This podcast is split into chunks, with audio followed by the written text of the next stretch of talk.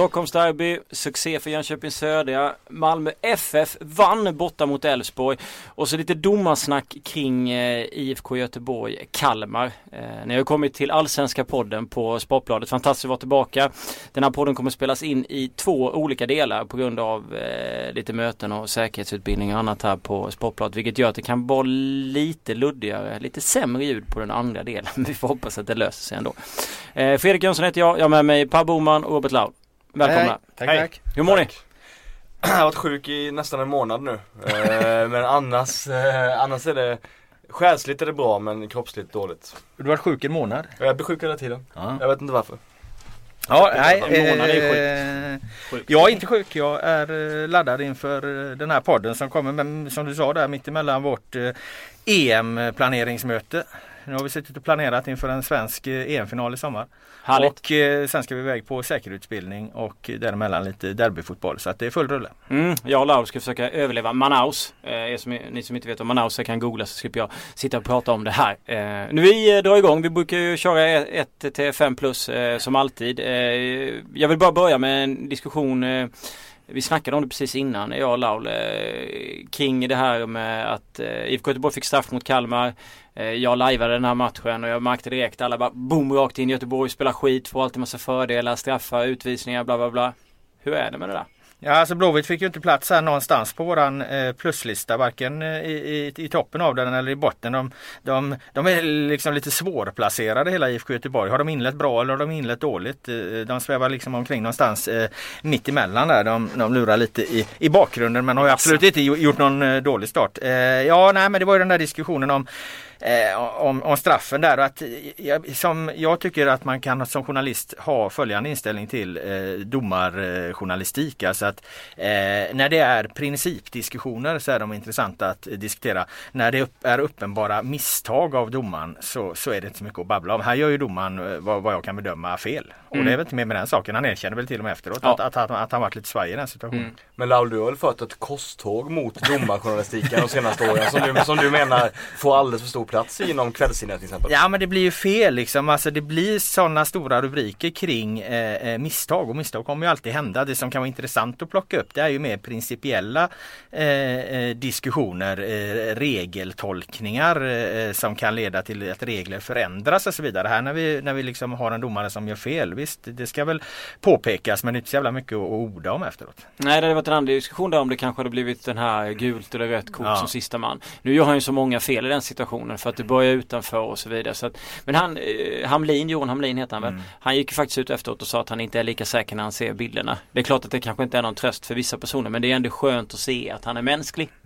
Ja, jag håller med Laul om att kritiken från fans ofta är också enkelspårig kring, kring Ja. domarmisstag. Man, man, man låtsas som eh, alltså, att det är konspirationsteori Ja, och han exakt. dömer allt och så. Jag, jag tror inte att det finns något sånt av någon domare överhuvudtaget i Allsvenskan att någon skulle eh, liksom göra medvetet fel eller sådär. Det, det tror jag alla inför. Ja, det, det enda som finns det är väl liksom att eh, det finns en eh, en storklubbsfördel Mm. och den, den existerar över hela fotbollsvärlden. Liksom. Det är klart att de stora eh, eh, klubbarna tror jag generellt gynnas lite mer i och med att de har mycket publik på, eh, på sina matcher. Det byggs upp en, ett tryck på deras hemmaplan. Här finns någon liten promille som gör att domarna påverkas mer och det finns väl också forskning som, som har pekat på att det eh, är på det, på det sättet. Och där är ju IFK Göteborg är en, en svensk storklubb. Jag tror att IFK Göteborg får med sig någon liten, liten promille eh, mer än vad Kalmar får. Men det här gäller ju AIK, det gäller eh, Hammarby, det gäller Malmö, Mm. det gäller Djurgården, det gäller alla de svenska storlagen. De är generellt lite mer gynnade. Jag tycker in- inför Blå, eller AIK Blåvitt till exempel så var det mycket snack om att Bojan Pancic är skriven i Göteborg. Och hur Ja. kan han få döma den här matchen? Samtidigt som alla göteborgare verkar hata honom för att han alltid då ska döma emot dem Ja. liksom. Så både aik och Blåvittarna var vi, liksom vansinniga över valet av Bojan Pancic. Och det tycker jag visar lite att det kan vara ganska löjligt ibland helt enkelt. Ja. Så. Sen så kan det vara det när vi är inne på storklubbar också. eh, Om man tittar eh, internationellt sett så är det ofta så att de stora klubbarna har också stora spelare och är oftast bra. Eh, Och då har man ju mer boll och man, alltså det är större möjlighet att man kanske får fördelar eller det ser ut som eller det känns som att man får fördelar med sig. Ja, där har du den andra eh, faktorn i den här storklubbsfördelen, hemmafördelen där då att de här stora lagen de trycker ofta på. De Ja, hamnar, hamnar i fler situationer hela tiden fram, liksom. framför mål liksom. Så att då, då, då blir det också fler situationer som man ska bedöma och, och det blir något misstag här och, här och där. Men det finns ju liksom ingen, ingen mer konspiratorisk bäring på de idéerna så men eh, det storklubbarna ska tänka på när, när de, de brukar ibland eh, vända på det och säga att nu kommer någon minsann någon domare här som ska tuppa upp sig liksom och, och visa att han står pall Visa allt vad, vad, vad det är. Jag tror att de ska vara glada att de är just storklubbar, att de har sin, sin publik för att det, det är storklubbarna som gynnas och inga andra. Mm, absolut. Eh, vi kattar den eh, diskussionen där. Vi går till 5 plus. Eh, det var ju så att eh, vi skulle se IFK Norrköping möta AIK. AIK kom dit med bra eh, statistik innan och det var vissa som hade feeling för det och, och så vidare. Det blev ingenting med det överhuvudtaget. Norrköping körde ju över AIK fullständigt. Ja, jag var där. Ahmed Yassin sa ju till Expressen inför matchen att vi ska krossa AIK. eh, och sen när jag ville prata med honom efteråt sen så vägrade han komma ut i omklädningsrummet. Ja men det är ganska förståeligt. Vi ska Ja. krossa Norrköping var, var väl vad han sa va? exakt. Eh, ja, hade jag sagt det inför för, för den matchen så, så hade jag nog fan också stannat kvar i omklädningsrummet. Ja exakt, man kan ändå tycka att man borde kunna, om man kan säga, om man kan Ja, ha så ja. stora ord innan så borde man kunna bemöta det Ja sen absolut. Frågan är om man har lämnat omklädningsrummet. Ja exakt. Nej men alltså AIK hade ju inte en suck såklart. Norrköping tycker jag var fantastiskt bra. Så till att eh, herregud, alltså. Sebastian Andersson är inte lika bra som Kujovic men fyller den luckan utmärkt. Andreas Blomqvist som vi har hyllat här förut, som är en av de mest vårdade innermittfältarna i Allsvenskan var precis sådär Mjällby-vårdad eh, nu mot, mot eh, Supervärvning. Eh, ja jättebra såklart mot, mot AIK. Och jag tycker också visa lite, alltså det, det, det är konstigt för det är ett ganska offensivt innermittfält ändå, Sjölund och, och eh, Blomqvist såklart. Mm. Och, eh, och jag har kritiken mot AIKs innermittfält att Ofori och Ishizaki tycker inte jag riktigt funkar ihop. Det blir lite för plottrigt. Eh, Ofori har börjat spela, han är så nöjd med att han kan komma ur, han är ju väldigt bra på att komma ur svåra situationer. Ja. Så nu gör han det hela tiden. Han gör situationer ofta svårare för att han kan ta sig ur dem liksom med, med de här jävla Xavi-höfterna och allting han har liksom. Mm. Och, och Stefan Ishizaki tycker jag oftast är lite för bräcklig för att spela innermittfältare. Jag funderar på om AIK inte borde göra som Norrköping gör med Traustason. Ha han från på nytt vänsterytterposition och att han får en fri roll och söka sig centralt liksom. Men det var intressant att se att Sjölund inte bara var överlägsen liksom, speltekniskt och med sitt spelsinne. Han var också överlägsen i det fysiska spelet vilket är oväntat. Ja. Ja, jag kollade på eh, den här guldgruvan Instat som ju tar fram eh, statistik på allting. Eh, där såg man ju den tydliga skillnaden som man också någonstans kände i magen när man tittar på matchen. Att eh, AIK blir av med bollen 22 gånger på egen planhalva varav 13 gånger ute på, på sin vänsterkant. Eh, Norrköping blir av med den 14 gånger på, på, på hela matchen. Där, där är en ganska stor skillnad. Eh, Norrköping vinner bollen i bra lägen. De utnyttjar det. Det är ofta, precis som du säger, Daniel Sjölund som ligger bakom både liksom eh, bollvinsterna och, och sen att göra något av de, de lägena han eh, får bollen i. Det finns så väldigt mycket att, att ta upp eh, med som var bra i Norrköping eller som är bra i Norrköping just nu i i den här matchen. Eh, Jan Andersson, om man, om man liksom tittar på den utveckling som Norrköping har gjort under Jan Andersson så orkade de ju hålla i det här pressspelet i en kvart för tre år sedan. Sen föll de ner och, och blev sårade av att de liksom hade tömt sig och deras prestationer i matchen pendlade så oerhört mycket. Eh, med Sjölund på mitten så kan de hålla i bollen längre och kan vila med den och orkar i princip hålla det här pressspelet i, i, i 90 minuter och då, då, då blir det ju tvärt emot vad, vad Yashin säger att då blir det Norr, Norrköping som, som kör över AIK helt enkelt. Ja det var ju som du säger vänsterkanten, det var ju Nisse som hade varit magsjuk inför matchen och som är 36 år gammal nu. Det kan vara så att han är han, han, han har haft en negativ trend under hela 2016 i alla fall. Och Jos Hojfeldt som var oförlåtligt slarvig i passningsspelet. Framförallt holländaren var ju Sen är han så här befriande ärlig efteråt och säger att allting är uselt. Han Mm. sågar sig själv och han sågar laget så det är svårt att... han är åtminstone ärlig helt enkelt. Ja, och krossen upp, uppkommer ju för att man i kombination med allt detta så kommer Karlgren ut fel tycker jag Ja. på, på Ja. eh, det är Anderssons Ah. mål där. Nej, det är Nej, Nymans- Nymans, Nymans mål, Nymans friläge där. Eh, där kommer Fin passning av där. Ja, ja jättefin Ja. passning. Det var ju precis den bollvinsten, den snabba eh, leveransen. Där, där kommer Karlgren eh, Ja, ut fel. Står han kvar där så, så är det nästan ingen situation för han, han kommer lite ur vinkel. Eh, och sen har du Sebastian Andersson då eh, som jag, jag tror aldrig jag har sett en mer omarkerad spelare på en hörna. Alltså. Nej herregud Alltså, vad pinsamt. eh, var- Brustad mm. tappar honom fullständigt och visst det är sånt som kan eh, hända när du byter in en ny spelare. Han kanske inte har fått eh, de, varit eh, helt lyhörd på de taktiska direktiven vad han ska göra på hörna och, och, så vidare. Han är i alla fall inte på tå där. Han går in Nej. med en bild av att han ska, ska hjälpa till med, med en kvittering här och så hamnar han i försvarssituation. Men sånt får inte hända. Då, då, då åker man ju på däng med 4-1. Mot ett lag som Norrköping så bra som de är just nu. Sebastian Andersson är ju riktigt bra. Jag imponerad. Jag tycker att, eh, alltså man såg honom i Djurgården och tyckte han inte alls eh, glänste. Nej men om jag minns rätt så satt vi här i, när vi gick igenom betygen och sa att han ändå kan vara en bra rollspelare för just Norrköping. Ja exakt och det har han verkligen Bra visat alltså. Man Ja. komma in i ett så fungerande Ja. lag va, det är ju Ja. det det handlar om. ja. Det fanns ju någonting i honom men det fanns väl inte riktigt för honom i Djurgården men det, men det funkar. Men sen Sjölund måste man ju se som en, det är en supervärvning. Han plockade honom från Åtvidaberg. Han är ju helt briljant liksom. Ja, det var ju redan förra året såklart. Ja ju... exakt, det är ju en helt fantastisk värvning. Ja och frågetecknet var väl där du nämnde Nisse, kanske blivit ett år sämre. Eh, Sjölund, hur, hur liksom skulle det, det se ut här nu när han har blivit ett år äldre? Man har ju fan blivit ett år bättre. han är ju grym alltså. Ja men det är också fint att se att, alltså, ja, man, man tänkte lite ibland att kanske spelarna skulle hur de skulle reagera mm. nu när Jan Andersson blev förbundskapten. Mm. Jag menar, kanske de också vill lämna. Det kanske inte de heller känner lika stort förtroende för lagbygget eller för det här projektet. Men så verkar det inte alls vara utan de verkar snarare stolta över att Janne fått den här chansen och mm. vill fortsätta göra allt för han. Reaktionen kommer väl snarare när han eh, när rent han går, fysiskt ja. försvinner. Då, då det ska bli väldigt intressant att, eh, att se hur, eh, vad blir det för ett Norrköping kvar utan honom? Vad har han haft för, för betydelse? Sitter det här, är det någon som kommer in och bara tar över? Eller det kanske kan vara ett argument för att man ska köra vidare på, på, på personer som redan finns i, i, mm. i staben och inte ta Andreas Alm då som jag lanserar. Ja, eller Norling som. Eller Norling som ju, som ju ja, jag vet inte fan om Norling skulle, det skulle nog se ganska annorlunda ut om, om Rickard Norling kommer in där. Jag undrar om Rickard Norling är en person som bara vill gå in och, och förvalta förvalta där. Han vill nog sätta sina Frågar de inte om det skulle vara enklare för dem att få in någon som förvaltare? Typ ett, jo, men resten av säsongen och ja. sen bi, alltså det, det, känns verkligen så för när man tittar på dem som Jag tänkte också på det när, där du är inne på när, när de byter tränare eh, när, när det kommer ut så tänker man liksom att ja, man vet inte hur det ska bli. Då bara går de ut och liksom kör över Kalmar är det väl. Mm. Fullständigt. Sen vinner man borta mot Häcken och nu kör man över AIK. Man, man ser hur sjukt jävla bra ut. Man ser nästan bättre ut mm. nu än vad man gjorde förra året. Och nu saknar man ju Kujovic, man saknar Barkrot idag.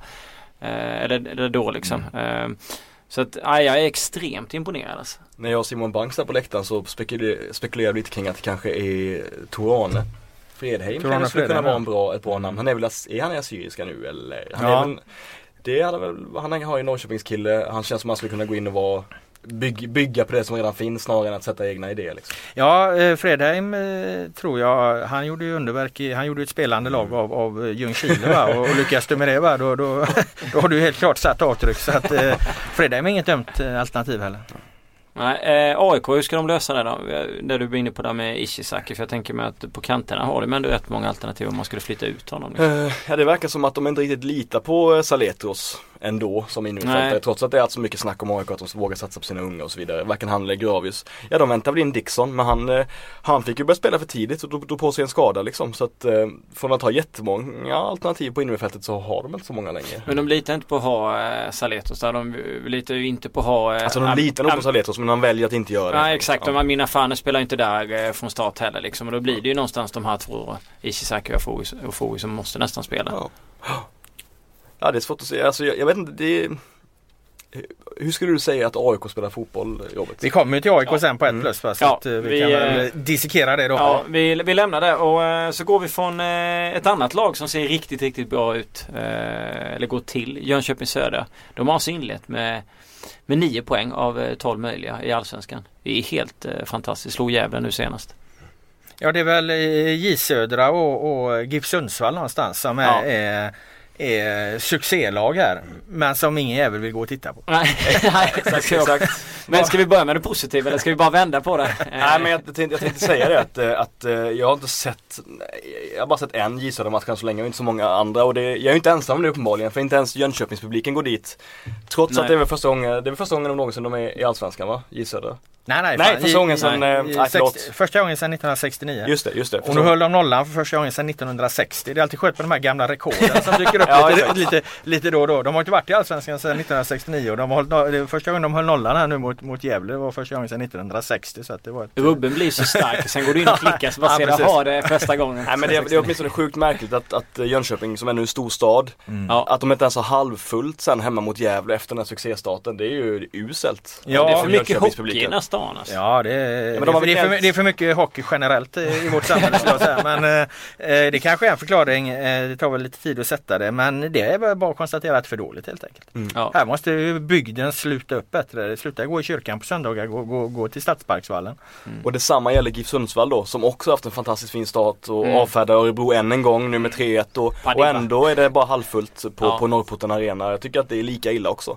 Ja. Vad är det här egentligen? Nej och Sundsvall har ju spelat fin fotboll här i ganska Exakt. lång tid nu. Fan de var jättebra redan i fjol. Va? Nu får de en ännu bättre poängutdelning för det vad det verkar. Så att, eh, nej, det, det, det är för dåligt där också. Mm. Det är också massa hockey och skit där uppe. Så att, eh, det möjligt man det beror tycker det. faktiskt att när, Men Timrå är på väg åt helvete. Så att Ja, ingen man hockey tänka- längre. Det finns ingen- Men när, när Jönköping står liksom för den här jätteskrällen Då måste man ju märka i stan att man har slagit eh, 500 miljoners Malmö FF till exempel liksom. Då tycker man att borde inte jag gå och titta på nästa möte Då ser man i och för sig att det kanske är Gävle Så tänker man på att inte det är Snygghågens Gävle utan ett annat Gävle Så går man inte ändå Men jag känner mig någonstans att eh, när jag ser Jönköping också att de att de funkar väldigt, väldigt bra som ett lag. Om man jämför Falkenberg då. Nu har ju Falkenberg varit uppe några år så de kommer inte med samma självförtroende. Men där känns det väldigt splittrat. Det finns ingen balans. Man jobbar inte tillsammans. Man krigar inte. Man har ingen finess överhuvudtaget. Tittar man på Jönköping så är det helt tvärtom. Om man jämför bottenlag för bottenlag. Alltså där är det en helt annan symmetri i det där laget och man skapar ändå en hel del målchanser. Nu var det två bra målvakter i Mehic och vad heter han? Andersson hade Mm. Eh, I den fighten liksom. Men det Jönköping har också, det har ju, man, man tittar på deras liksom framgångsvåg börjar ju egentligen 2014 och sen har ju den hängt i. Alltså Ja. de har ju varit i, i toppform fan. eh, Det är ju ingen som minns deras senaste forms, formsvacka. Är det Mats Green Den- som den- har den- den fort- Ja, att han lämnade möjligen då. Men, eh, de, de, de, de, det går ju rakt uppåt där. Ja. De är ju inne i, i, i, i det här flytet. Det är klart att det, det är förr eller senare så, så kommer verkligheten i, i kapp där också. Men jag tror att eh, jag tror att de har en jävla bra känsla i, i den här föreningen. För att det har, gått, det har gått framåt i rätt riktning så länge nu. Ja, och nu plockar man hem Branimir Hagota till sommaren också. jag skojar bara. Var kom den ifrån? Ja, exakt. Men Laul, om, om du får, måste säga redan nu, vilka tror du Ja, kommer var liksom dippa först? Östersund eller J? Eh, alltså jag, jag tror att Östersund är ju ett lag som kommer gå mycket mer upp och ner. Eh, Östersund eh, är ju så olika beroende på vilket underlag de spelar till Mm. exempel. De kommer ju ha eh, väldiga problem när de är på gräs. Eh, jag tror inte att J Södra behöver vara riktigt så, så sårbara. Men å andra sidan är högsta nivån eh, högre i Östersund. Eh, jag tror att de där kan vara, vara bra ganska lång del under säsongen båda två. Vilka som dippar först, ja, men jag vet inte. Tittar jag på min tabell så, så tror jag ju att Östersund viker ner sig tidigare. Mm. men det, det, de har ändå spelat lite bättre än vad, vad jag trodde mot, mot bra lag. Östersund. Eh, jag har svårt att säga. Kunde gjort ett gäng mål mot Häcken. Mm. Eh, De eh, dominerade rätt klart där. Ja. Men det Var var ju också en match där vi hade Häcken, nio ordinarie spelare borta och de vinner Ja, knappt med 2-1 på, på en spark i slutet där. Ja. Straffspark i slutet. Det, det var väl inte så våldsamt imponerande just den insatsen egentligen. Även om det, det är klart att poängmässigt har de fått en bra start nu Östersund. Mm. Eh, måste poängtera det igen att Hagota givetvis var ett riktigt skämt. Jag skulle försöka få någon av de på andra sidan att hugga på. Ja, vi tänkte inte. att du släppte en nyhet här nu Nej, nej, den. nej, Eller jag- varit på tiden i så fall att du levererade. Nej. Tack för den. Nej, jag har inga ingångar överhuvudtaget där. Eh, jag bara skämtade. Eh, ja, Malmö FF kommer vi ju till på 3 plus. Vinner borta i Borås efter eh, eh, slarv i Elfsborg får man ju lugnt säga. Och- Slarv i flera led får man Ja säga. va? exakt och så kan ju Eh, Rosenberg eh, rulla in den där till, eh, till 1-0. Eh, ett Malmö FF som eh, försvarade sig. Och försvarade sig och försvarade sig. Alltså jag måste säga att jag skrev krönika om den här matchen och, och eh, jag brukar ur den här ganska snabbt. Det dröjde lång tid efter. Jag hade jävligt svårt att hitta, hitta eh, vad jag skulle ha för anslag på det. För att när man hamnar i den situationen och ska beskriva den här matchen. Då sitter man och ser ett, ett Malmö FF som man inte känner igen överhuvudtaget. Som är så försiktiga och ängsliga Mm. och rädda om sin nolla och fokuserade på defensiven. Och så petar de in ett eh, slumpmål i slutet eh, som Elfsborg bjuder på. Och så sitter man och, och, och tänker att det här var egentligen helt värdelöst men de vann på ett eh, mål i slutet. Men samtidigt, det här var ju det de skulle göra. Ja. Alltså det, det, de gör det egentligen helt perfekt. De släpper till extremt få målchanser. De gör väldigt eh, få misstag. De är väldigt samlade hela matchen igenom. Och eh, fotbollen fungerar ju så att mot slutet av matchen så brukar det bli misstag. När det väl kom då, då, då hade man bytt in Eikram med pigga ben som, som, Mm. och, en pigg hjärna som gör, tar Mm. exakt rätt beslut. Så att egentligen är ju matchen perfekt utförd från, från Malmö FF. Även om det är ett Malmö FF som, som vi inte har sett på många, många, många år. Så här är vi inte vana vid att se Malmö FF spela så här himla försiktigt eh, oavsett motstånd. De, fan, de spelar inte så här försiktigt mot Real Madrid en gång. Ja men det var exakt den vänsterkanten med Konate och eh, vad, fan, eh, vad heter han? Tobias Sana. Ja. Ja. det var ju våldsamt så. men, men, men, eh, men jag tycker att det är väl jättebra om, om han är så pragmatisk. Ja, ja. Alltså det, är väl jätte, det hade varit ett, hade han fortsatt med liksom gladfotboll och, och, och charmiga citat så hade man velat såga honom. Det här kändes ju som helt rätt steg att ta. Ja, nu var det ju lite diskussioner här. Vem hade bestämt det här? Var det ett spelarbror Mm. som låg bakom eller var, var det hans? Oavsett liksom, jag menar det är han som bestämmer. Eh, Det är han som har sista ordet och, och han fick i alla fall spelarna att mangrant ställa upp på den här defensiva idén. Trots att Mm. jag tror att Malmö FF vill spelarna vill ju egentligen inte spela så här. Men, men de insåg allvaret och de fick eh, en perfekt omstart eh, helt. De fick ju bonus också att de, de skickade ju in eh, Elfsborg i en djup kris. Ja herregud. Eh, nu skulle vi ha haft Marcus Vulkan med. Han Jaha, som tippar dem som SM-vinnare. De ligger där på Men, tre poäng efter. Nej, jag märkt av att, jag, jag nämnde för några, några veckor sedan att, att det är inne att hacka på Lewicki. Ja. Och nu har ju det nått liksom stormstatus. Nu vill ju folk ha bort honom från EM-truppen. Ja, han är vet. sämst, han har den Ja. sämsta passningsfoten någonsin i Allsvenskan och så vidare. Nu var han ganska dålig i passningsspelet även mot Elfsborg. ja men han var ju bättre i positionsspelet. Ja, han, låg, han låg ju lite lä- han, han stängde ju ändå rätt mycket ytor där va? Där de har varit sårbara Malmö. Så att eh, jag tycker han gör en, en bra match. Jag- jag- Men jag vill bara säga det att det kommer bli det nya Daniel Andersson. Det kommer, Ja. bli, det, kommer bli det som eh, Expressen-krönikörer inom kort. Eh, Sidleds-Lewicki. Ja exakt, det kommer, kommer säga att det är ett misstag att ta med en i EM-truppen och bla bla bla. Det tror jag kommer vara det nya svarta under våren. Nu är, det, nu nu är det så att jag inte sympatiserar med Malmö FF men jag tänkte faktiskt exakt på det där när han var nära att göra självmål. Alltså nära och nära men han, det var ju något inspel där han satte fram Ja, i början av matchen, Ja, ja. precis. Ja. Tänk, tänk om han hade gjort självmålet där. Då hade det blivit den här jättestormen av att Lewicki har dålig passningsfot och så har han fått skit för det och så får skit, skit, skit för det andra. Och sen har det bara blivit ännu mer negativt. Men jag håller med dig om att det är någon slags innegrej och att liksom kasta skit på honom för allt liksom. Men eh, Konate var väldigt bra. Mm. Eh, Ja. visade upp att det kan vara viktigt att ha en, en back som är, som är bra i defensiven i första hand. Mm. Eh, ytterback åtminstone. Eh, Mm. Så det var, det var fint. Ja, men laget blir ju annorlunda balanserat och även med, med, med Rakip som ju, ju är hårt jobbande Exakt. på, på andra sidan där och, och plus det här tydliga fokuset på Mm. att nu, nu ska vi minsann hänga ihop som ett lag här och det, det gjorde de ju verkligen så att eh, om vi tvivlade på att eh, spelarna förstod vad, vad kon säger så, så visar de upp en enad och samlad front där. Det är det bästa sättet att göra det på. Såg ni att Anders Christensen när han kom fri återigen drog en yttersida? Precis som han gjorde i premiären mot Norrköping, drog en yttersida över David Mitter Nilsson. Nu försökte han göra en yttersida till tunnel. Det är som Ja, att han det. bara kan avsluta med yttersidan. Ja, det är, han- tänk, tänk på det framöver nu. Ja, det är, han något, han är det är dansk någonting han har fått för sig i, i Italien. Men Rasmus Bengtsson borde väl ha blivit utvisad? Eller? Ja, den var ful på slutet där. Det kunde han, det kunde han mycket väl ha blivit. Ja, jag tyckte det. Jag hade spelat på rött kort på Rasmus Bengtsson. Så jag Det var därför du tog upp det. Ja, annars hade jag aldrig gjort det. Eh, ja, nu har vi ju eh, haft tre eh, positiva grejer här, 5-4-3. Så kommer vi till tvåan. Som eh, handlar om att Per Boman ska prata om Jordan Larsson. Nej, låt, mig, låt, låt mig berätta hur det här började. jag satt på redaktionen som man gör, man snackar lite brett och man pratar med kollegor och så vidare. Han har stor käft. Ja, nej men man pratar lite allmänt och sådär så man tänker att det är väl ingen som lyssnar på det här liksom. Och sen, har ni sett filmen eh, Das Leben der Andres som handlar om Östtyskland där det sitter en snubbe bakom en vägg och då lyssnar igen. Som man vet att Stasi Ja. gjorde, satt och lyssnade och Ja, ja. skrev ner allting och sådär. Men Stasi skrev åtminstone ner vad folk sa i, i sina arkiv medan Laul eh, är oerhört kreativ när han, när han, eh, när han berättar. Så det här är påhittat eller? Nej men jag, jag nämnde att, att Jordan var proffsdryg emellanåt i, i intervjuer. Eh, Ja. eh, Jordan Larsson eh, Men du, nu vill vi bara lyssna och höra exempel här. Nej men att, jag tycker att han, han, han för sig på ett sätt som kanske inte riktigt man kan göra som 18-åring egentligen. Jag fattar att han är uppväxt med Henke Larsson, man blir väl sån då liksom. Men dels när han eh, efter matchen mot, eh, mot Helsingborg då, och, jag menar då både han och, och, Falkenberg Henke Nej, Hammarby. Hammarby, Nej, förlåt, Hammarby, förlåt. Ja. När både han och Henke dömde ut fansen till exempel för att de hade skrikit saker och då var han ganska hård och så vidare. Jag tänker inte ta den skiten och sådär bla bla. Men jag menar det händer väl nästan alltid när ett lag förlorar och är i kris. Att, alltså, att, att folk skriker saker liksom. Ja, åker du på stryk med 5-1 eh, så eh, tidigt efter en redan eh, svag start så, så är det klart att det blir reaktioner. Eh, jag tycker det var konstigt att göra så stor grej av det i alla fall. Mm. Eh, inte så taktfullt.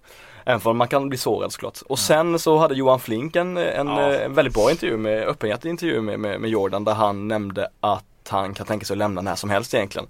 Eh, Helsingborg och så vidare. Jag menar, är det är inte heller särskilt taktfullt att säga i, i ett lag som är i kris så att säga. Och jag vet att, att Henke trycker mycket på att han vill ha spelare som inte ser Hen- Helsingborg som en slutstation och så vidare.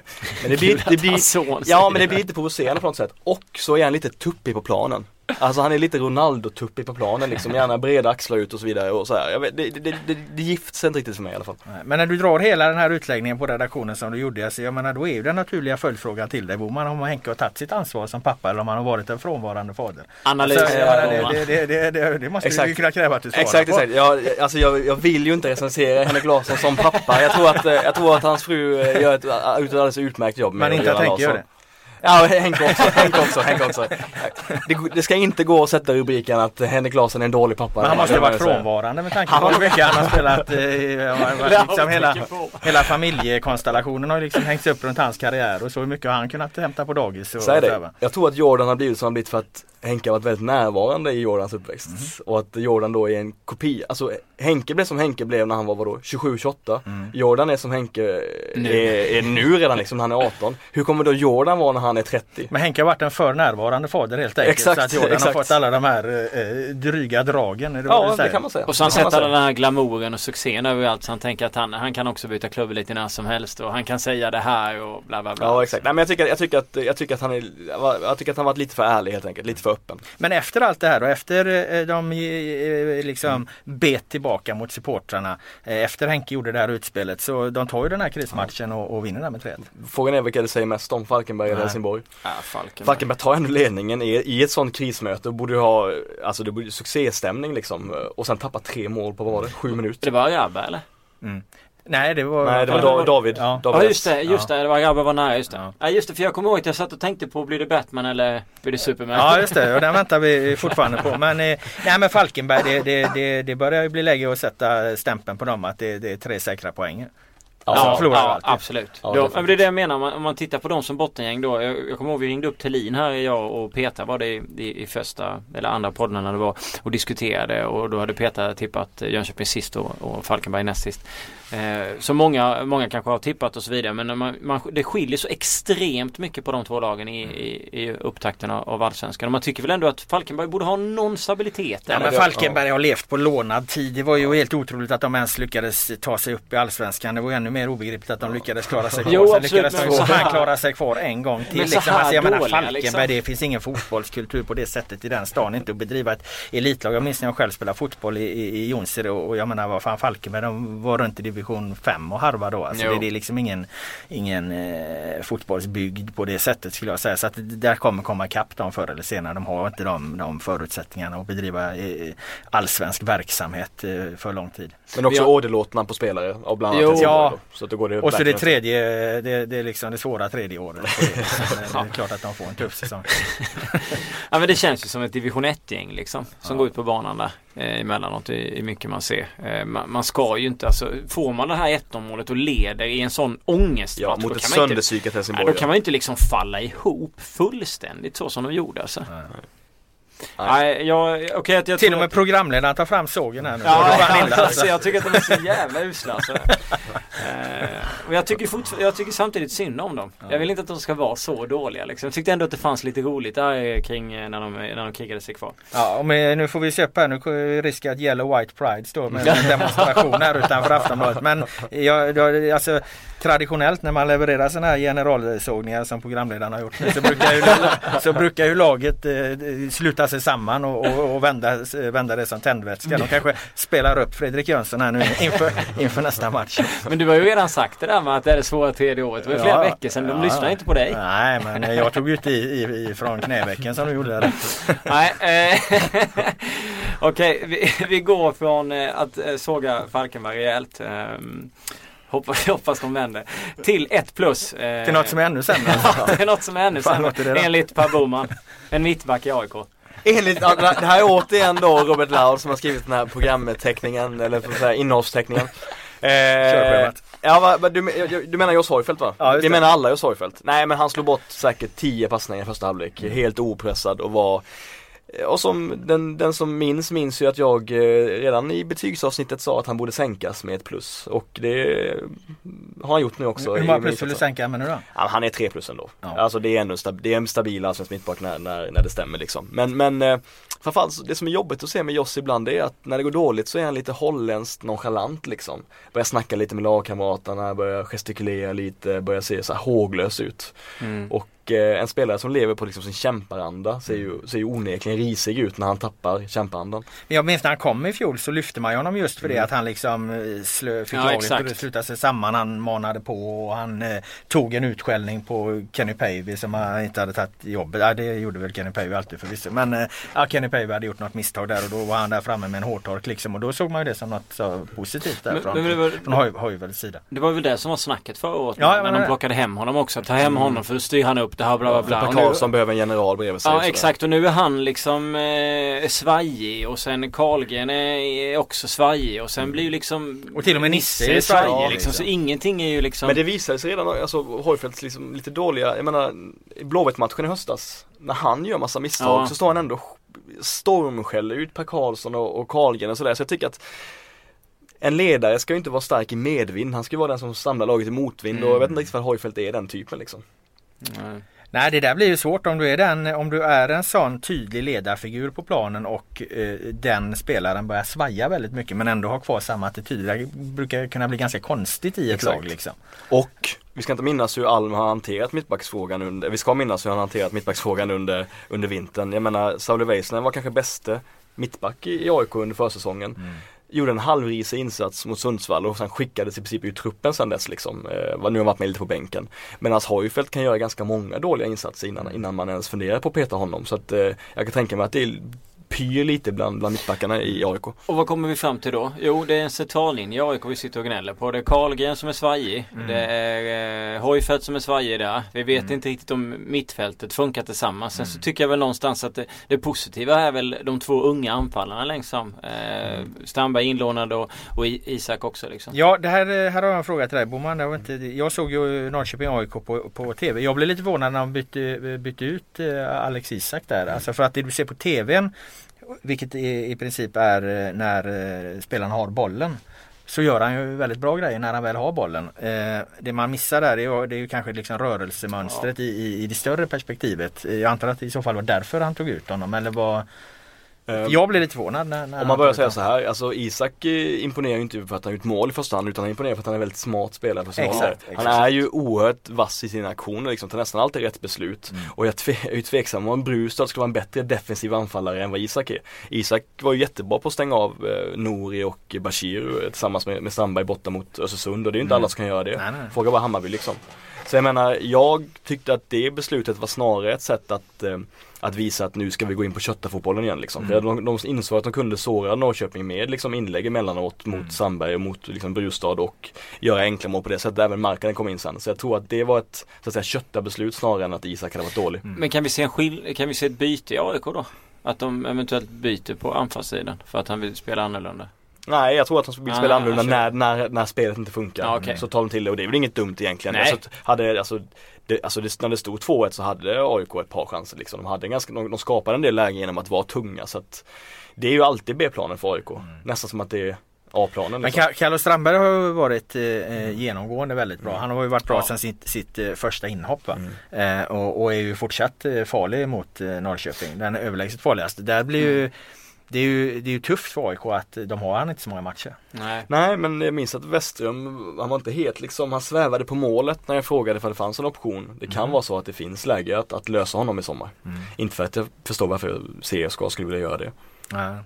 Eh, sen är det den här situationen med Avdic också. Den har vi egentligen Mm. inte tagit upp här någonting i, i podden. Och så har du, har du, kan du redogöra för alla turer i den eh, Definitivt. där? Vi var ju på träningen jag och eh, några kollegor, eh, Ludvig Holmberg från Expressen minns jag. Då, då satt vi och kollade på en träning och, och, och den i, gick vid sidan liksom, såg lite sur ut. Så jag gick och pratade med honom och frågade eh, vad är det med dig liksom? Eh, kan vi snacka lite om liksom, hur du mår och sådär?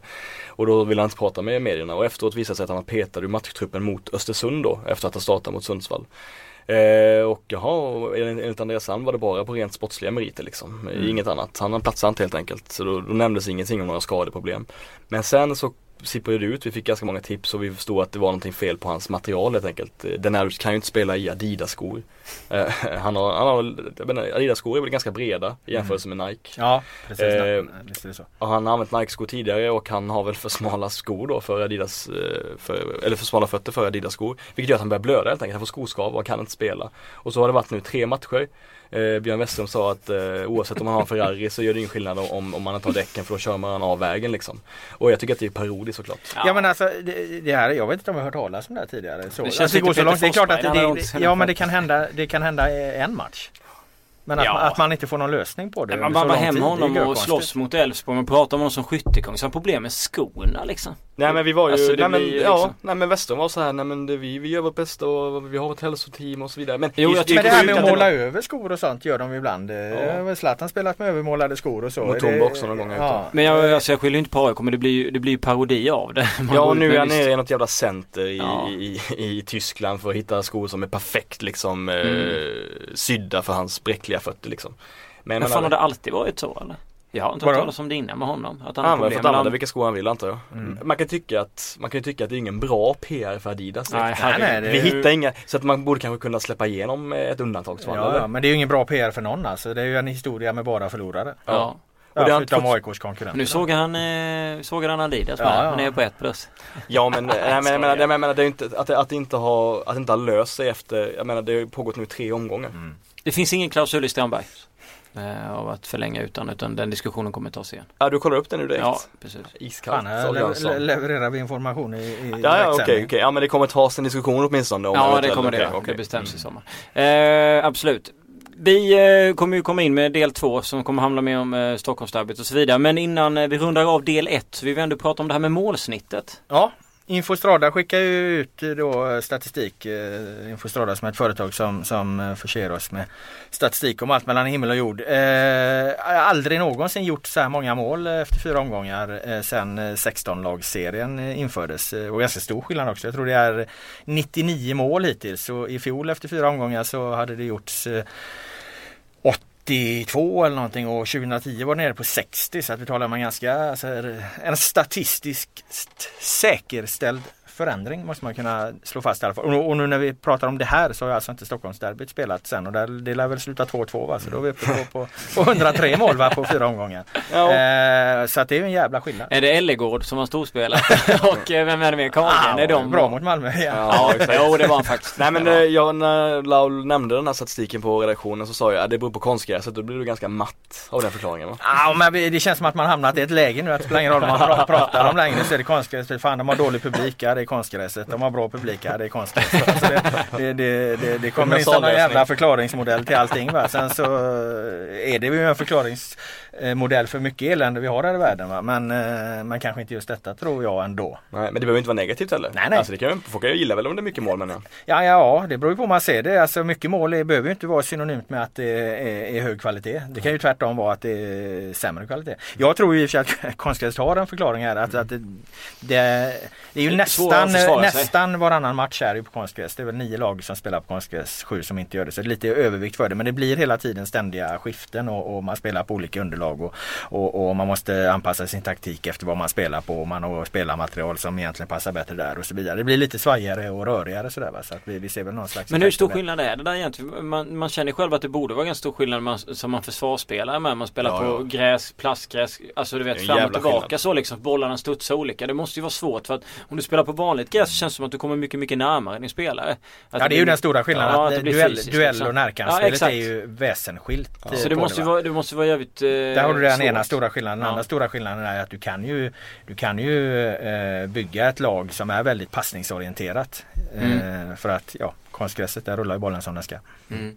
Nej men ingen hinner, alltså, hinner upp i pressen och det kan ju Nej. faktiskt bero på att göra att det vi mer mål liksom. Ja, att det är svår, ja. svårare att utföra försvarsspelet. Men det finns ju en annan förklaringsmodell till det också. Det är att vi, jag, jag, jag tycker inte vi har sett särskilt många, eh, det kanske vi har gjort, men vi har i alla fall sett rätt mycket eh, bleka målvaktsingripanden. Ja. Alvbåge i Göteborg har väl har bjudit på ett par. Mm. Patrik Karlgren har vi nämnt, han har bjudit på ett par. Mm. Eh, jag skulle säga att målvakten har inte imponerat eh, den här säsongen så här långt. Det var- Nej det är väl... eh, Ja det är väl Ellegård då. Ja men Tommy, Tommy Naurin också. Ja, Tommy Nauri var ju bra. Jag tycker att de... Ja det var ju du som du sa Boman alltså. I de, i de, i de blindas rike, Tommy Naurin Exakt, det kan, man, det kan jag skriva under på. Det kan jag skriva under på. Jag tycker väl att, eh, vad heter han, eh, var det Abrahamsson? Heter han väl i, i Häcken? Mm. Eh, Som gjorde en absolut godkänd insats. Kanske till och med bra. Och sen i Jönköping-Gävle tyckte jag väl att keeperna var, var bra också liksom. Men jag håller ju med dig om att det har varit en del en del tavlor och annat. Ja men sen så tycker jag också det, nu, nu vet jag att det lyfts fram och han har hyllats så mycket efter det här U21-EM och så vidare där han eh, tog den här straffen och allt det här. Men han är ju den som ses som den största målvaktstalangen eh, antar jag av unga mm. målvakter. Och jag tycker inte han är någon jättestor talang. Han har en bra bit kvar till att bli en allsvensk eh, målvakt. Jag backar bandet 10 år då ramlade ju fram talangfulla målvakter i 17-18 års ålder. Där tycker jag att, att, man kan säga att pendeln har svängt tillbaka lite. Men vad tog, de vägen, inte... vad tog de vägen? Nej men det blev ju ändå bra målvakter av alla. Jag menar det var ju Nordfeldt det blev ju en, en bra målvakt. Många, ja, många av dem har ändå fått en hyfsad karriär ja. liksom även mm. utomlands och så. Men det, pendeln har svängt lite där. Det, det känns inte som att det, det, det, på samma sätt finns väldigt många lovande målvakter i, i svensk fotboll. Ja, då, eh, I och med att jag ställer frågan så tänker jag att ingen av dem har ju egentligen alltså Uh, alltså Nordfeldt är i och för sig tredje keeper i landslaget mm. Nej men de har ändå, jag fått, tänker ändå fått Nor- Jag tänker så Viktor Noring, ja. jag tänker Nordfeldt. Uh, men de har ändå fått bra utlandskarriärer ja, får man ju säga. Jo, liksom. alltså, och det är ju inte dåligt. Vad fan, få, få liksom en nu bra gick karriär Nordfeldt och bankade bänk i Swansea av någon konstig anledning. Ja. Det förstod jag väl aldrig riktigt uh, och sådär liksom. Men ja, jo jag kan Men idag är det tomt och tunt. Ja, ja jo, absolut. Och det tycker jag inte handlar om att Isaksson har stått i vägen eller, eller så. Jag menar han är ju en, en jävligt bra målvakt. Va? Han har gjort det han ska i, i, i, landslaget. Det handlar inte om det. Men det verkar som att pendeln har svängt lite helt enkelt. På, nu gick ju Kajtoft sönder också. Ja. Han är ju ändå, ska väl ändå ses som en, en av dem. Liksom. Ja. Uh, och sen är det Jakob Rinne och, och vad är det mer? Det är väl de snubbarna liksom. Rinne blir väl den som kommer vakta våran bur om nu Örebro vill släppa dem. Förmodligen i ett OS kan jag tänka mig. Uh, ja, absolut. Absolut. Mm. Nu måste jag hosta. Ja, nej men äh, målvaktsämnet äh, kommer ju bli intressant att följa utan tvekan. Ja, det är väl lite hela förklaringen till, äh, alltså det man också kan säga att det har blivit mycket mål om man ska se någon form av trend i, i det här och någon form av förklaring är att det görs jävligt mycket mål på hörnor. Och eh, där tycker jag ändå att det känns som någonstans att här har lagen varit eh, eh konsekventa. AIK eh, trots insatsen mot, eh, mot Norrköping, där de, Ishizaki slår ändå många bra hörnor som det ändå blir lite oreda på. Kevin Walker gör samma sak i, i eh, Djurgården. Eh, eh Göteborg har bra fot i, i Albeck. Det, det, det känns som att eh, eh, det är ingen slump att eh, det produceras en hel del mål på, på fasta situationer. För man, det finns en hel del bra fötter. Så där ramlar det in några extra mål då om man ska förklara den här målexplosionen som vi ser i Allsvenskan just nu. Känns det som att, att de är mer liksom taktiska vid hörnor numera har en idé och inte bara slänga in bollen eller är det? Ja lite så men fram, framförallt skulle jag säga att det finns, det finns ett par riktigt fina fötter också. Mm. Som har, som har, Kevin Walker har fått ordning på sin, Ishizaki har kommit in med sin, han kom i höstas där då, Albeck har kommit in med med, med sin. Va? Eh, men givetvis också eh, det, det ska ju vara fullt fokus på, på hörnor. Och det är ju också en sån sak som faktiskt går att genom kontinuerligt nötande går det att utveckla det. Jag menar får du mer träningstimmar och så, här, så, så går ju faktiskt den här saken att förbättra. Det är ju inte alltid liksom så här ett passningstempo kanske går att förändra så jävla mycket för du befinner dig ändå i den verklighet du befinner dig. i. Eh, även om Östersund har visat att det går att flytta mentala barriärer där också. Men, men hörnor är en konkret sak som, som lägg mer tid på det och det blir bättre. Nu kommer du ju ha ett flytande tips eh, Lauro. Du har inte velat eh, vara, du var väl lite öppen med Östersund eller, eller var något lag i alla fall du pratade om att du kanske ville flytta. Att Falkenberg kommer det kan vara... vara många lag jag vill flytta men eh, jag kommunicerar dem inte för sista börsdagen i månaden. Falkenberg kommer ju vara cementerade i bottenskikt. Jag ska inte säga längst ner men i alla fall där nere i alla fall hela säsongen som det känns nu om ingenting speciellt eh, händer. Men att Häcken ligger näst sist och att Elfsborg då är på 14 plats. Eh, nu är det mycket skador i Häcken och jada jada och så vidare. Och, och Elfsborg kanske hade lite oflyt med det där misstaget mot Malmö och så. Men de här lagen, känns det som att de kommer vara indragna i någon som helst SM-guldstrid? Kan man slå fast det redan nu eller är det helt? Alltså statistiskt så är ju Elfsborg redan borta eh, då om man ska gå till våra vänner på Infostrada igen. Tre poäng på de fyra inledande matcherna och inget lag någonsin vunnit Allsvenskan med. Så att eh, de är borta och jag tror ingen protesterar mot det heller som har sett Elfsborg eh, eh, spela. Det är så mycket i hela det här laget som behöver förändras för att, eh, för att de ska blanda sig i en, en guldstrid tid. Så att eh, jag hade dem ganska högt upp i min tabell och utan att säga för mycket då så, så det är väl inte helt omöjligt att de åker ner rätt många hack i den flytande tabellen. vad, är det som, vad är det som felar då i Elfsborg? Eh, ja, det har ju, som det, mittback. Det, för helvete. Det, det, har ju varit defensiven. Igår såg han ju bättre ut men det var ju som sagt en eh, mot Malmö där. Det var en rätt konstig match. Det var ju, det var ju två lag som, ja, jag sa det, jag skrev det i min krönika tror jag att, alltså, att den attityden de visade eh, i inledningen av matchen den tydde på att de hade allra helst velat singla slant om hur det skulle sluta liksom. Det var ingen, ingen som ville någonting. Jag funderade på om min krönika skulle passa bättre bland begravningsannonser. så, så, så livat var det i början där. Sen tog det sig lite och eh, mot slutet kommer, eh, kommer eh, tröttheten och eh, misstagen och det är klart att i Elfsborgs eh, backbesättning och, och, och, lag då så är ju eh, risken större att det är de som gör det där avgörande misstaget och det gjorde de också. Men det känns som att man har, man har varit van att se Elfsborg ändå li, alltså mycket mer fridig. Alltså mm. så här trevliga att titta på. Det har flyttit på hemma på Boråsarena. Okej försvaret kan ha varit lite upp och ner tidigare. Men det saknas. Det finns inte de här kombinationerna, löpningarna och, och finessen som man har sett tidigare. Nej de har ju inlett eller hamnat i ett läge då de är väldigt osäkra. Och när, mm. när ett sånt lag ändå som, som spelar på det sättet blir osäkert över hela planen så eh, ja då, då tappar man den, den där typen av, av spel också. Det kanske handlar mycket om Anders Svensson, kanske inte just konkret vad han gör i varje enskild situation men de är så jävla vana vid att ha att han styr och ställer mm. där och helt plötsligt är han borta. Eh, då, då blir det en osäkerhet kring vem som ska ta tag i, i taktpinnen. Jag trodde att en sån som Henning, Henning Hauger ja, understödd av Marcus Rodén ja, och, och, och Claesson som var jättefin mm. förra året att, att de skulle ta det där ansvaret men det har de inte gjort. Men gör Hauger sitt jobb som hjälpgumma då? Han har ju hyllats ganska ofta. Ändå, ja, ja men, vi, eh, visst har han gjort det men nej jag tycker inte han har gjort det alls i år.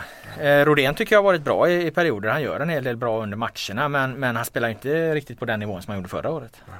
Så Nej, det, det, blir liksom det, det blir pus, pusselbit, eh, detalj efter detalj liksom som, som är lite sämre och, och då blir helheten blir precis så blek som, som Elfsborg har varit jag, senaste matchen. Jag trodde Odén skulle ta det där stora klivet mm. eh, under landslagssamlingen så vet jag att du var ju där och tittade mm. Boman och pratade om att han kände som att han tagit ett steg till. Han har pratat ut mycket om att han vill utomlands och så vidare. Då känner man fan passa på nu när du har haft lite uppåtgående trend. Ja, men jag, jag tror att Elfsborg kommer resa rejält. Alltså, jag tror väl alla i sig men jag tror att de har, jag tror att de har goda chanser att, eh, att jag tror, jag tror fortfarande de kan vara med i en guldstrid. Jag tycker att det är för tidigt att avfärda dem. ja, det är bra.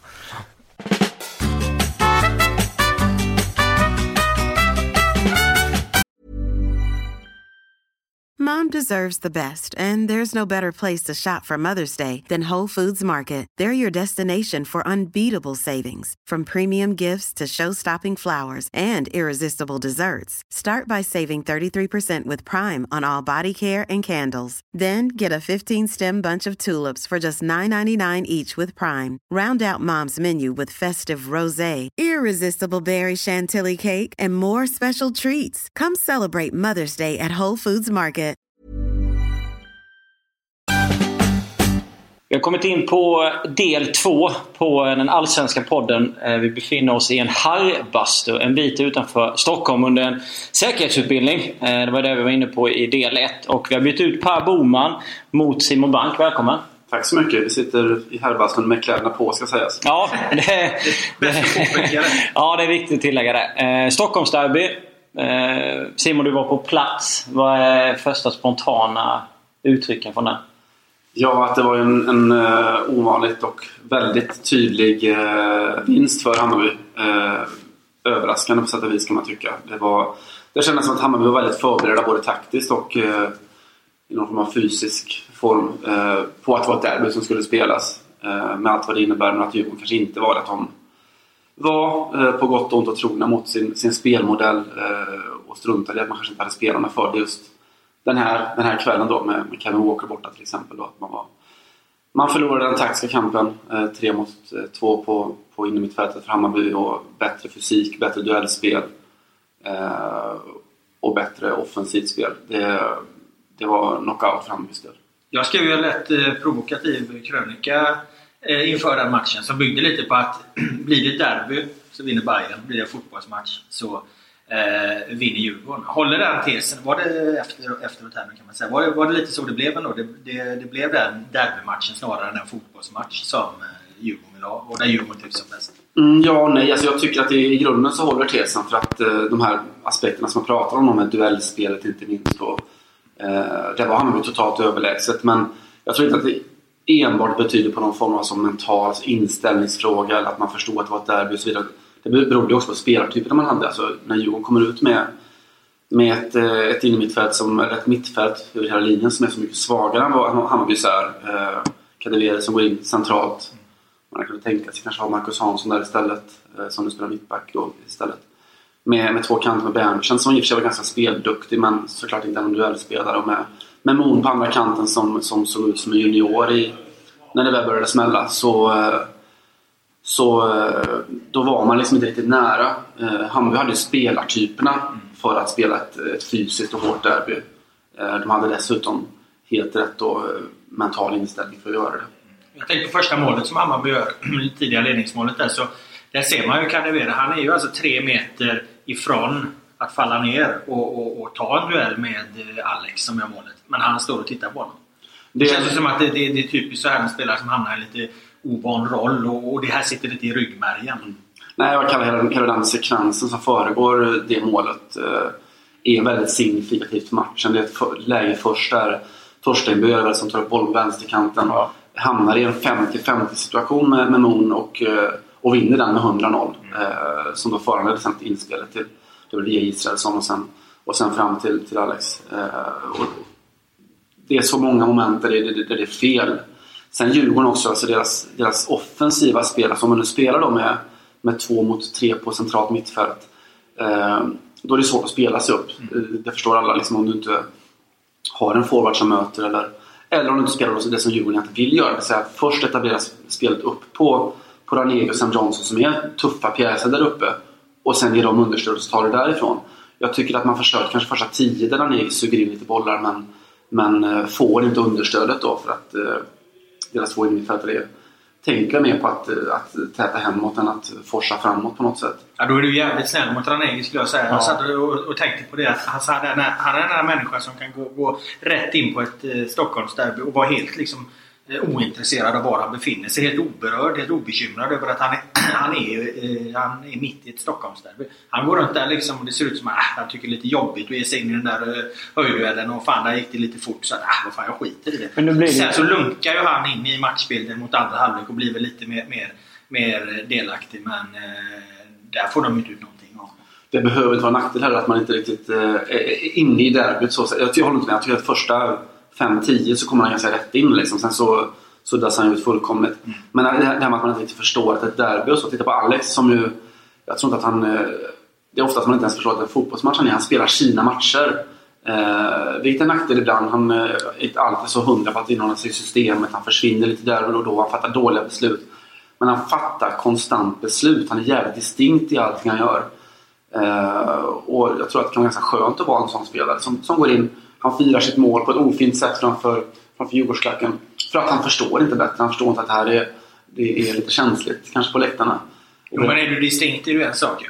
Ranegi är ju allt annat än distinkt. Nej, nej alltså Ranegi är katastrofal men jag tycker att han kommer rätt in i matchen när han får de här första, första lyften. Första tio kanske i matchen. Sen så försvinner han och Sam Johnson jobbar ju i alla fall i 90 minuter. Ranegi gör inte riktigt på, eh, på det sättet. Jag håller med om att han, han lufsar mest. Han är också ganska gnällig på planen. Men var, eh, som Sjögren då var inne på, Sjögren som brukar slå sin tärning som Laula sagt tidigare i podden. Men han har väl rätt här? Han, han var så här Färöarna-dålig. Färöarna-dålig, Ranegi i, i det här derbyt eller? För att jag kände, han förlorade ju ändå dueller. Han förlorade rätt mycket huvudspel ja, tycker jag. Han vann en nickduell. Nej, och det tycker jag ändå att han borde kunna bidra. Men det gör han inte.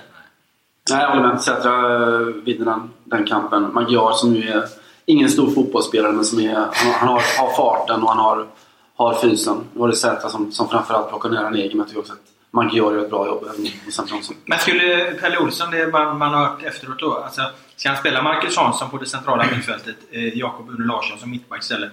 Då får han, när han redan har och åker borta, då får han riva backlinjen också. Mm. Eh, det går, vi, vi får ju aldrig ett svar på om det hade varit bättre, men jag kan ändå förstå hur Pelle Olsson tänker när han vill behålla sin backlinje som har släppt in ett mål på, på tre matcher. Med facit i hand, ja det kanske hade varit bättre ingen aning. Men det, det är svårt liksom att såga det totalt ändå.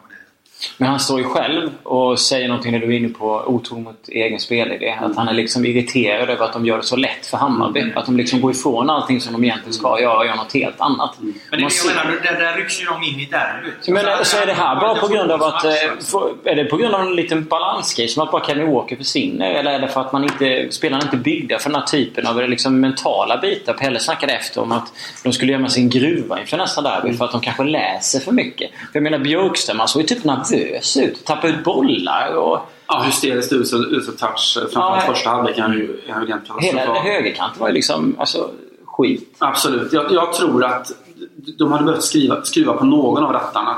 Till exempel då, visst, du får in Kevin Walker. Vi säger att, att du får med honom. Då blir du spelskickligare. Du får en spelare som mer naturligt kanske följer med upp och ger ett understöd uppåt också. Eh, Du kanske kan spela upp och spela in i- andra fas när väl bollen har ramlat ner och så vidare. Det är en sak då.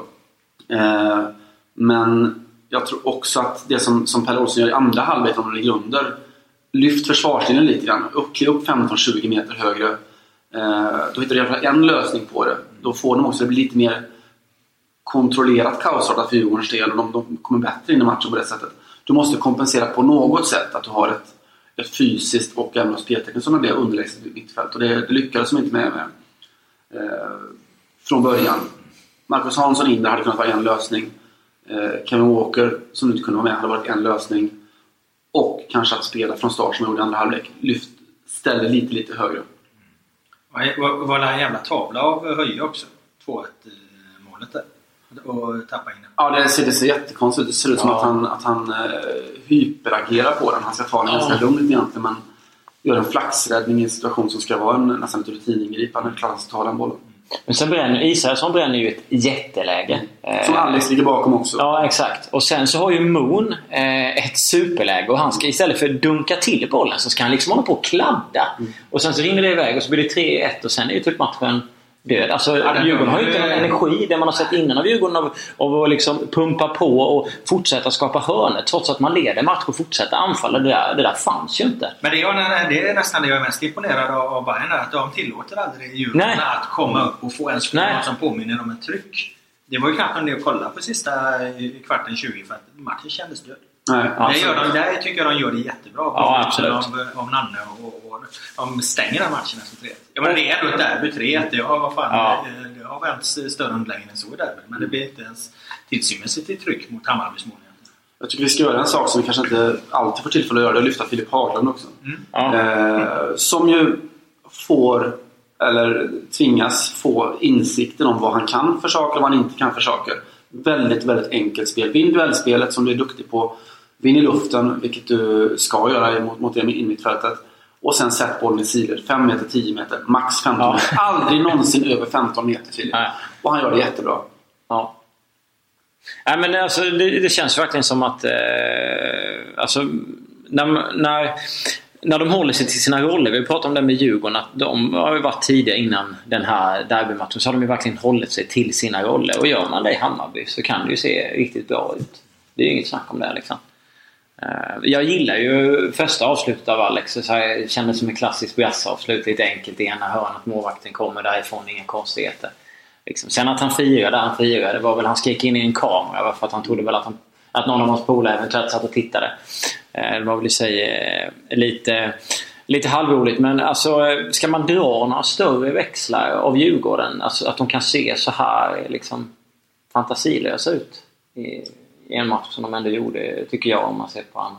Alltså jag tror att det man ska göra är väl att man kanske ska dra tillbaka de stora växlar som dragits på de Ja. tidigare matcherna snarare då. Men det gör vi ju Eh, gärna i media. Vi drar gärna upp dem. Absolut, Nej, men det är klart att Djurgården är ett bra fotbollslag. De har Pelle Olsson som Ja. är oerhört skicklig på att sätta, sätta Mm. en spelmodell. Det är väldigt, väldigt tydligt. Och de har också utvecklats mycket tycker jag. Mm. Sett över, över ett år.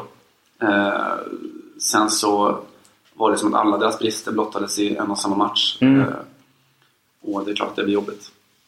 För nu väntar väl Malmö? De har tufft nu med, med Malmö borta. Jag tror att Djurgården eh, kommer att eh, ramla tillbaka på, på en bra, bra väg igen. För att eh, de är ändå så pass grundtrygga och, och, och så. Men det är ju uppenbart att de har ett jävla problem i, i, i de här derbymatcherna. Och nu får de ett Malmö borta som har fått lite luft under vingarna som vi pratade om tidigare. Så att, eh, eh, ja, det, ja, det är inte enkelt det heller.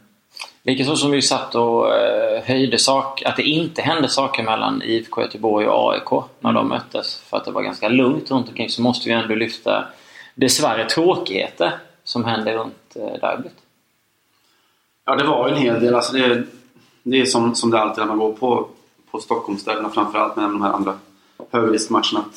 Ur vårt perspektiv finns ingenting i hela världen som är jobbigare att skriva om än, än, de här publika aspekterna. Vi har inte skrivit så mycket om det för att det inte funnits, funnits skäl. Det är sällan som det sker. eh, otäckheter inne på arenan. Den här gången det blev lite för mycket. Eh, eller allting är såklart för mycket men, men eh, även för att man skulle kunna låta bli och, och ta upp det. Det var, det var rusningar före matchen, ett hundratal djurgårdare som, som stormar eller försöker storma Hammarbys läktare. Eh, vågor och motvågor och tömda brandsläckare mot polis. Och, eh, och allt vad det var. Eh, det var också matchen slutade. Slutpunkten var med, med internslagsmål, ganska stort och våldsamt internslagsmål på Djurgårdens sektion. Och sen så var det också den, den situation som är, som är unik är ju att en, en, en av våra kollegor, en journalist, eh, journalist på, på Fotbollskanalen TV4 som som blir attackerad på, mm. på sin arbetsplats på, på pressläktaren. Och, eh, en, helt, en väldigt, väldigt otäck situation helt enkelt. Ja, alltså jag, eh, man, alltså jag fick höra på det, eller fick höra det efteråt så undrar man hur fan det ska kunna vara möjligt att du ska gå dit och jobba och få liksom bli påhoppad av någon påtänd och typ full människa. Liksom. Alltså, alltså tyvärr är det ju inte särskilt förvånande. Jag sitter med i SKS då, eh, Sportjournalisternas klubb i Stockholm som är en organisation för sportjournalisterna. Här uppe, vice ordförande där Jenny Modin ordförande, en gammal kollega. Eh, vi har pratat mycket med Stockholmsklubbarna för att just efter att Friends och Tele2 Arena byggdes så är pressläktarna väldigt öppna. Det finns överhuvudtaget inga avgränsningar. Eh, och det är också dåligt med vakter och vi har sagt att det här är ingen bra situation. Eh, det kan komma lägen då, då, då, det, finns, eh, då det blir besvärligt för journalister när det är så här öppet. Du har skrivit en, en kritisk artikel inför en avslutande match i slutet av säsongen och, och eh, Eh, ja, ett lag kanske åker ur och det faktiskt skulle kunna finnas en hotbild mot journalister. Eh, nu, var ju inte, nu var det inte läget i det här fallet utan här är ju problemet att det inte finns några tydliga av, avgränsningar eller vakter. Här för, förvirrar sig en, en, en, en ja, påverkad eh, människa in där och eh, slår sig ner för att platserna är tomma för att eh, journalisterna är iväg på och fikar. Och när de kommer tillbaka och säger att eh, du, du sitter på min plats liksom, så, så går han till fysiskt angrepp. Då. Så det där går ju att lösa. Men eh, Stockholmsklubbarna har inte velat ha den dialogen. Jag tycker inte de har tagit det på allvar. Det är vad vi säger från Sportjournalistklubbens eh, eh, sida. Jag hoppas att de gör det här framöver nu. För nu har vi fått någonting som var helt onödigt. Det hade räckt med Lasse Rycks polistejp kanske. Så att inte någon bara går fel in där. Jag menar så enkelt är det ju. Jag tror också att det är viktigt att, att man på något sätt förklarar lite för, för gemene lyssnare varför det här är på något sätt mer allvarligt än vad det är. Men sådana här saker händer ju mm. under högriskmatcher på, på vilken läktare som helst. Att det blir fysiska, blir handgemäng och det är, liksom hotfullt och, och sådär. Det, det händer lite, lite, lite av och till och varför uppmärksammas det nu när det inte är, det inte är Kalle Svensson som, eh, som konfronteras med det utan att det är en, en journalist. Och det finns ju egentligen två skäl till det och det första eh, är det som du är inne på Robert, det är väldigt konkret att det här är, är, är en människa som inte då eh, på sin fritid har satt sig i, en, i en riskmiljö utan det är faktiskt en människa som har sin arbetsplats där, ett arbetsmiljöproblem. Och det andra är ju det mer storvulna som, som folk säkert fnyser åt men, men jag tror att de, de flesta tar den tanken ett och två varv till så, så är det de facto så att, att, att journalistiken hålls även juridiskt som en, en viktig samhällsfunktion på något sätt. Och visst, man kan skratta åt det när det handlar om, om fotboll men, men journalisters arbete ses som något som är, som är viktigt i, i samhällskroppen helt enkelt. Händer det en, en stor olycka så söker sig människor till journalister till information och, och så vidare. Så att av det skälet så ses det juridiskt också eh, som, som allvarligt om någon attackerar medierepresentanter. Nu kan de väl inte göra något annat än att se till att fixa det där eller? Alltså, alltså, Nej, det måste de alltså, göra. Det, det, enligt Dagens Nyheter, vad vi vet här då, så, så tillhörde ju den här personen då, han känd av polisen och ska tillhöra en av firmagrupperingarna då som ju är uttalat för våld vilket gör, gör, gör ju situationen på något sätt ännu allvarligare när, när en sån person befinner sig på pressläktaren. Mm. Så det är klart att det måste till bättre avgränsningar. Det måste till fler eh, vakter så att eh, eh journalisterna kan göra sitt jobb. Där. Det är ju självklart. Du är inne på det Simon, att vissa kanske garvar lite när man pratar med, med de här stora orden. Men jag tror att alla, den överväldigande majoriteten vill ju självklart att det ska, ska vara rapporter från matcherna. Det ska skrivas om det efteråt. Supportrarna till lagen som vinner vill såklart ja, läsa en krönika och, och, allt det här. Och jag menar det, det är ju i grunden eh, omöjligt ifall man inte kan trygga en, en, en arbetsmiljö som är fungerande. Det finns väl ingen som vill ha st eh, riskera stryk på sitt jobb och sitta på sin, eh, liksom, på sin desk på sitt kontor och vara rädd för att det ska komma in en hög full människa och börja slå på det. Liksom. Alltså. Nej, då hade vi jobbat med MMA istället. Ja, exakt. Alltså, så det är ju... Nej, nej, nej. Fy fan. Usch, eh, väldigt, väldigt tråkigt. Eh, måste ändå avsluta med att blicka lite framåt. Eh, spännande att se Falkenberg. Har ju varit genomutlade, har vi pratat om tidigare i podden. Nu ska de möta IFK Norrköping. Eh, vi satt i bilen på vägen till den här eh, utbildningen idag och pratade om att blir det inte en klassisk allsvensk skräll nu eller? Att Falkenberg är slagna. Det är dags för Allsvenskan att visa sitt sanna ansikte. Då ska ju eh, Falkenberg vinna den matchen med klara 2-1.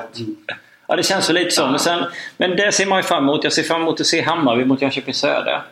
Eh, om de liksom, ska de liksom rida vidare på det. Och Jönköping måste ju få någon typ av reaktion. De kan ju liksom inte vinna fyra av fem fighter. Nej, men framförallt kanske Bayern med, med, du vet, efter derbyvinster och, och allt det här. Va? När det där, du har tömt din Ja. energi där. Du får den här positiva. Sen ska du upp, upp på hästen igen. Det blir liksom en, en prövning för Hammarby och, och visa var de står egentligen. Det är ett tufft motstånd för Hammarby också i den aspekten att det passar dem ganska bra att spela den sortens fysiska matcher mot lag som kanske vill spela.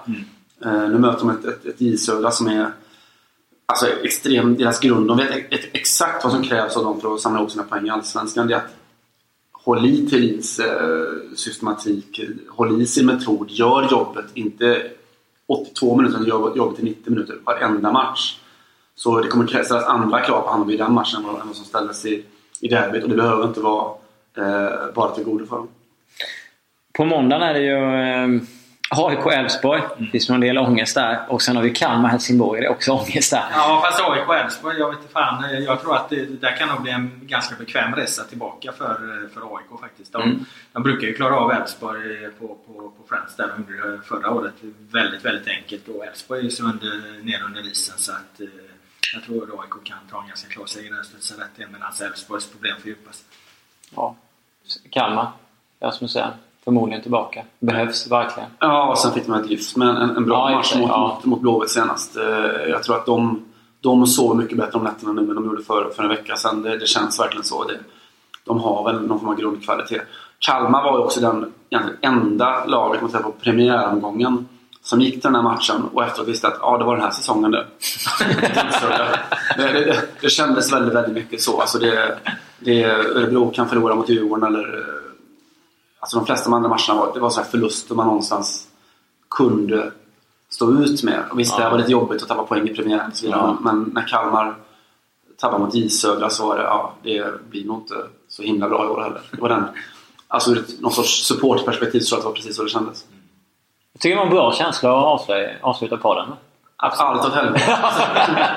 Allt är förstört som Lagerbäck sa. Ja. Flink avslöjar hans frisparksvariant. Sa han det då? Allt är förstört. Underbart. Tack för att ni har lyssnat på oss. Vi ses om, eller hörs om en vecka. Tack, tack.